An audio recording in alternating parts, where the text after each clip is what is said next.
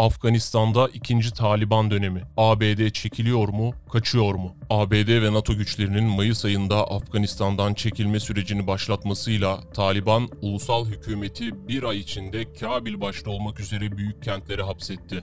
Afganistan topraklarının %70'ine Taliban hükmederken Kunduz kenti kuşatıldı. 21 Haziran itibarıyla Taliban Mezarı Şerif'in kapısına dayandı. Nisan'da ABD'nin girişimiyle Afganistan'daki tarafların Türkiye'de bir araya gelmesi planlandı. Ancak Taliban, ABD'nin anlaşmalara uymamasını bahane ederek katılmayacağını bildirince Türkiye'deki zirve iptal edildi. Bu gelişmeyle Taliban'ın Afganistan kırsalındaki ilerleyişi de ivme kazandı. Yalnızca Taliban değil, hem ulusal hükümet hem koalisyon güçleri hem de Taliban ile çatışan DAEŞ terör örgütünün Afganistan'daki kolu da harekete geçti. Güvenlik güçleri başta olmak üzere ülkenin büyük kentlerindeki bürokratlar ve gazetecilere suikastlar düzenlendi. Kabil'in Şii bölgesinde yaşayan siviller, çocuk, yetişkin ayrımı yapılmadan bombalı saldırılarda hayatlarını kaybettiler. DAEŞ, kadın gazeteciler, kadın polis memurları ve kamu görevlilerini özellikle hedef aldı. Haziran ayı başında NATO güçlerinin %50'si Afganistan'dan çekildi.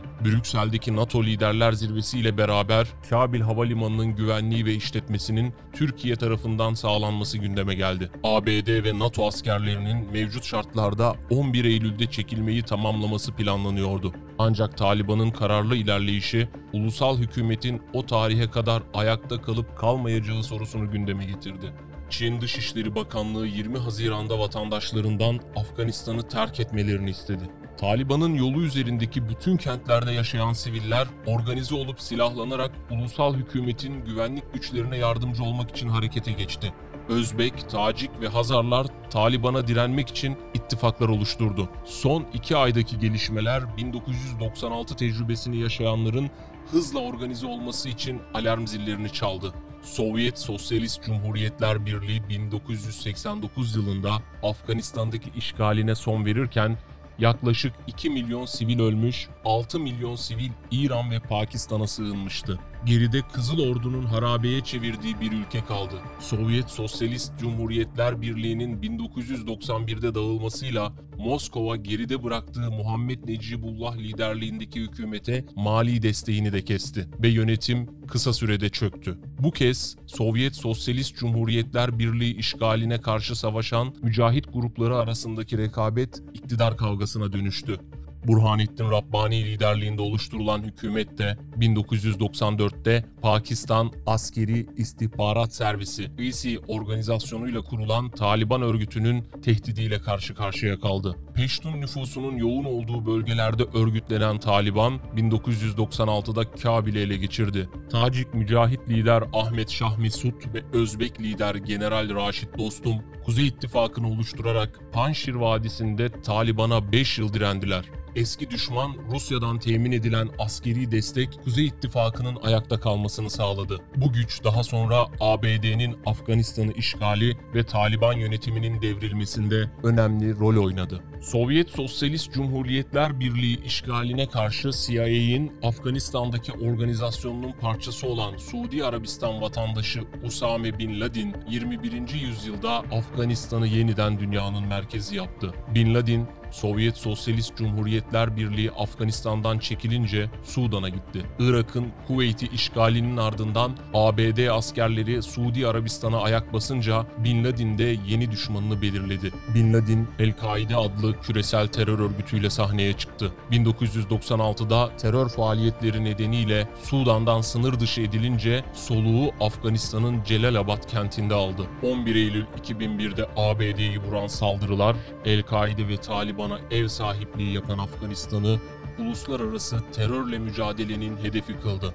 Taliban 25 yıl sonra bu defa savaşmadan ABD ile müzakere ederek ulusal hükümetin silahlı güçlerini adım adım gerileterek NATO'yu Afganistan'dan tasfiye ederek Kabil'e yaklaşıyor. Çekilme sonrasında ulusal hükümetin ayakta tutulması için ABD'nin nasıl bir önlem alacağı belirsiz. Pakistan ne ABD ordusuna ne de CIA'ye üs vermeyecek. Orta Asya Cumhuriyetleri ile ABD arasındaki pazarlıklarda ise ilerleme sağlanmış değil. Rusya-ABD ilişkilerinin mevcut durumunda bu alanda bir ilerleme de beklenmiyor.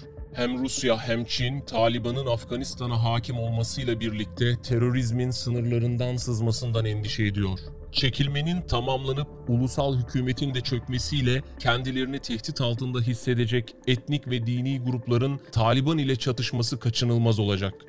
Hatta Afganistan DAEŞ'ı Taliban aleyhinde bildiriler yayınlayıp ABD ile müzakereye girişmelerini eleştiriyor ve çatışma tehdidinde bulunuyor. Kimi iyimser batılı siyasetçiler Taliban'ın bu defa uluslararası tanınma için daha ılımlı bir siyaset sergileyeceği kanaatinde. Ancak Nisan ayından itibaren müzakere etmeden ilerleyebileceğini gören Taliban ne diyalog ne de uluslararası tanınma yönünde gayret sergiliyor. 1937'de Sadabat Paktı ile Afganistan ile jeopolitik düzeyde ilişki kuran Türkiye, Anadolu savunmasının Güney Asya'dan başladığının da bilincinde. Afganistan yol açabileceği yeni bir düzensiz göç akını ile Suriye benzeri bir tehdit olmaya aday. Askeri açıdan müdafası zor olan Kabil Havalimanı'nın Türkiye tarafından kontrolü hayata geçmeyebilir.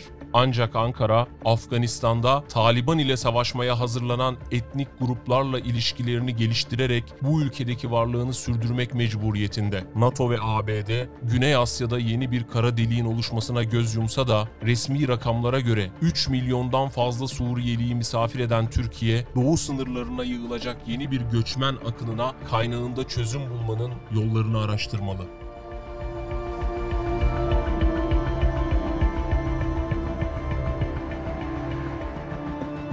Dinlemiş olduğunuz bu içerik Clash Report tarafından üretilmiştir. Bizi Telegram, Twitter, Instagram, Spotify ve Anchor kanallarımız aracılığıyla takip edebilirsiniz.